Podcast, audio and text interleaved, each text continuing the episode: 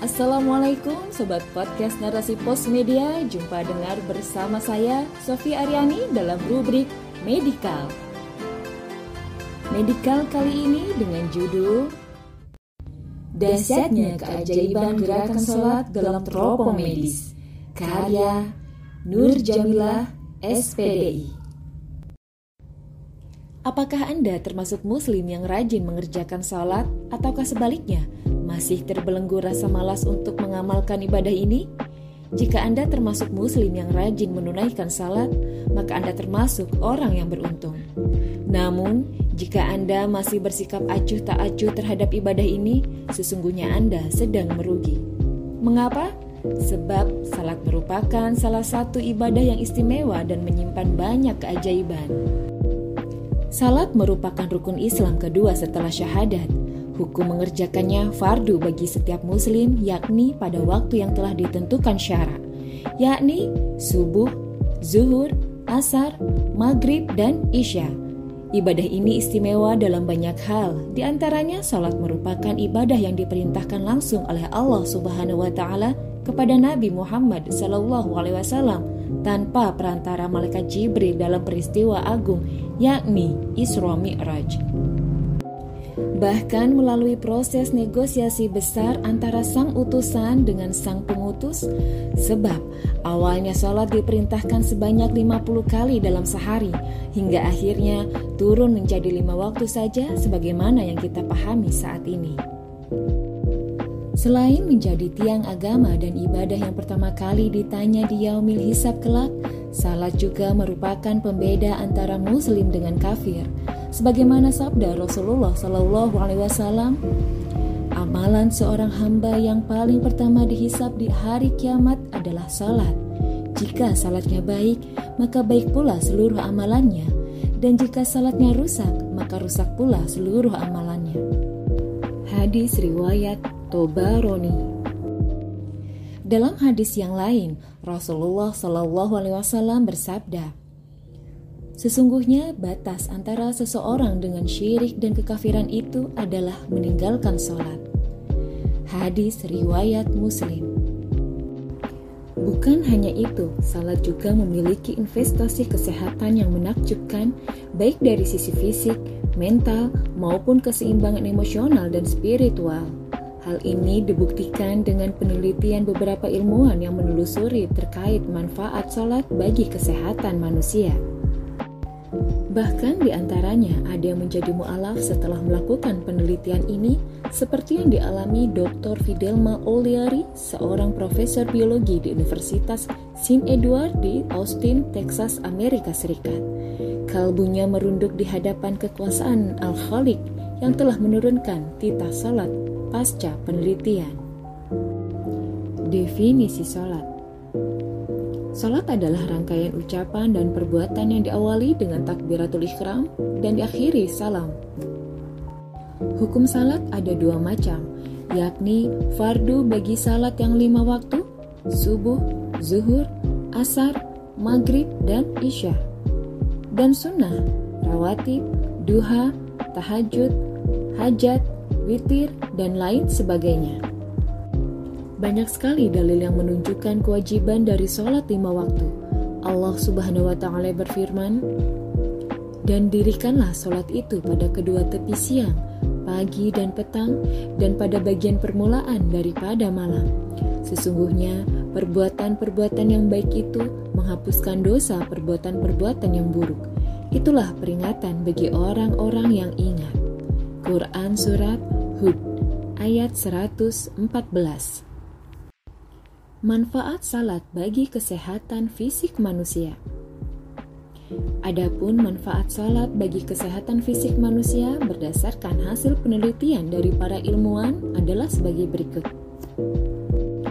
A. Berdiri lurus.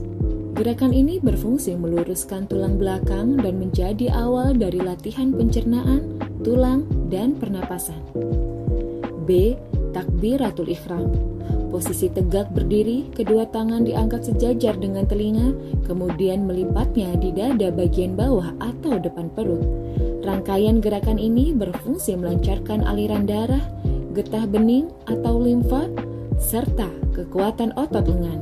Selain itu, takbir merupakan awal latihan pernapasan. Sebagaimana yang telah kita ketahui, alat pernapasan bagi manusia adalah paru-paru. Ternyata, kondisi paru kita terlindungi rongga dada yang tersusun dari tulang iga yang melengkung dan tulang belakang yang mencembung. Ditunjang pula oleh keberadaan dua jenis otot yang mendekatkan lengan dari dada, aduktor dan menjauhkan abduktor. Nah, takbir itu ditandai dengan aktivitas mengangkat kedua lengan dengan merenggangkan otot-otot bahu, sehingga aliran darah yang mengangkut oksigen menjadi lancar. Kemudian, posisi kedua tangan yang didekatkan di depan perut atau dada bagian bawah, gerakan ini dapat menghindarkan dari berbagai gangguan persendian, khususnya pada tubuh bagian atas. C. Ruku Posisi ruku yang benar dan sempurna ditandai dengan adanya tulang belakang yang lurus.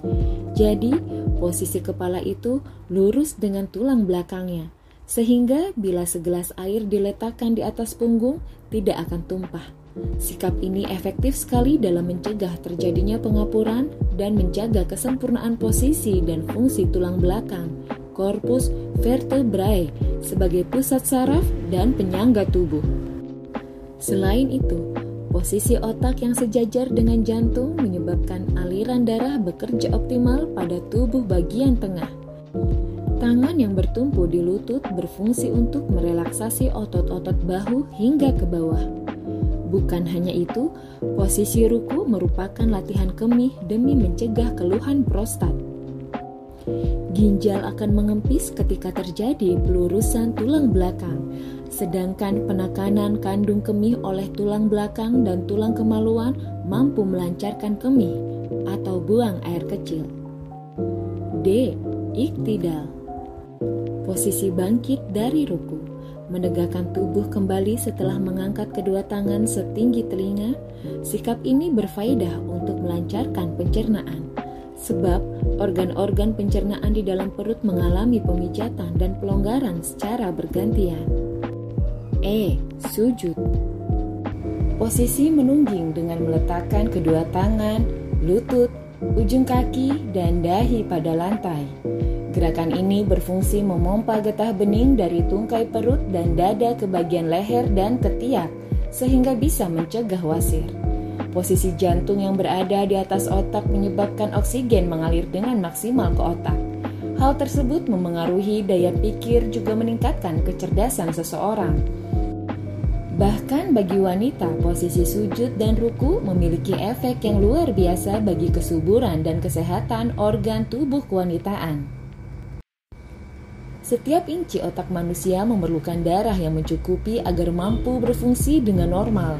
Darah tidak memiliki kesempatan memasuki urat saraf dalam otak, melainkan ketika seseorang bersujud dalam sholat. Tak perlu berjam-jam, tapi jangan terlampau singkat juga. Urat saraf itu hanya memerlukan darah untuk beberapa saat tertentu saja. Ritme itu terjadwal dengan teratur seiring dengan waktu sholat. F. Duduk di antara dua sujud. Duduk setelah bangun dari sujud ada dua jenis, yakni iftirosh, tahiyat awal, dan tawaru, tahiyat akhir. Apa perbedaannya? Perbedaannya terletak pada posisi telapak kaki. Pada saat iftirosh, tubuh kita bertumpu pada pangkal paha yang terhubung dengan saraf nervus ischiadus.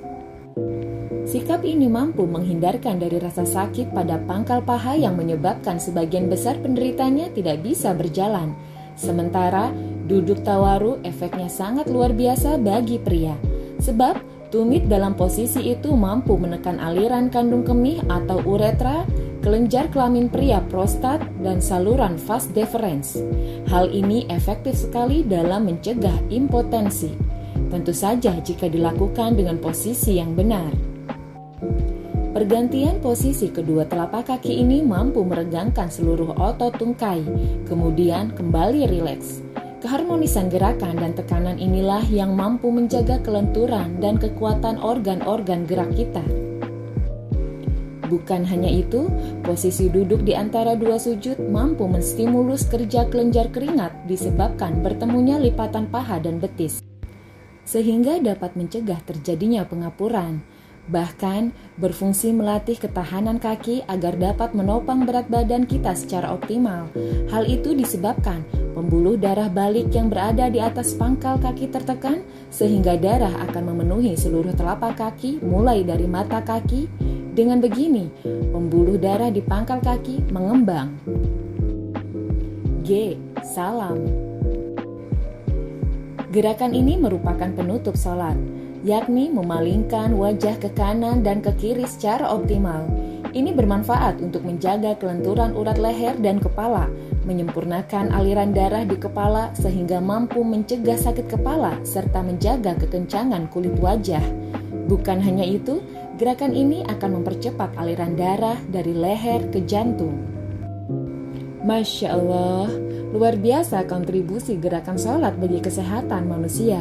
Rancangan Allah atas gerakan sholat yang diperintahkan tidak hanya akan menuai pahala, tapi juga berdampak sangat hebat bagi kondisi kesehatan tubuh bagi orang-orang yang menunaikannya.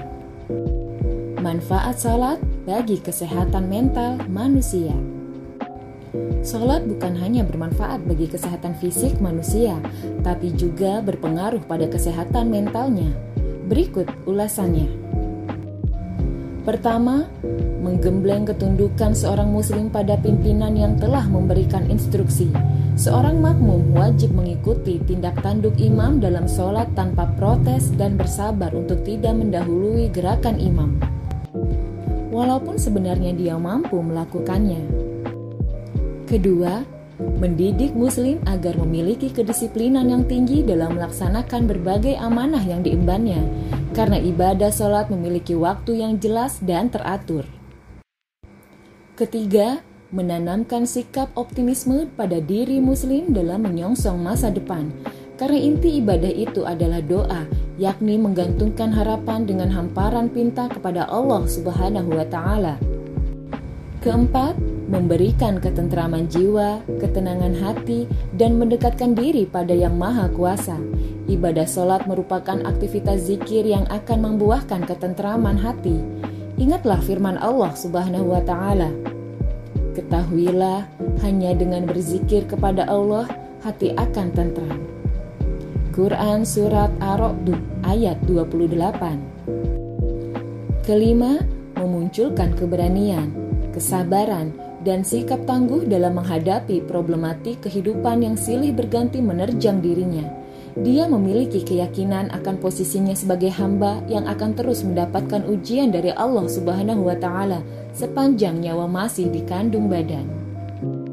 Keenam, menancapkan sikap legawa untuk mengakui dan menyadari berbagai kesalahan dan dosanya selama ini, karena sholat merupakan waktu yang mustajab untuk memohon ampunan kepada Allah Subhanahu wa Ta'ala atas segala dosa yang diperbuat.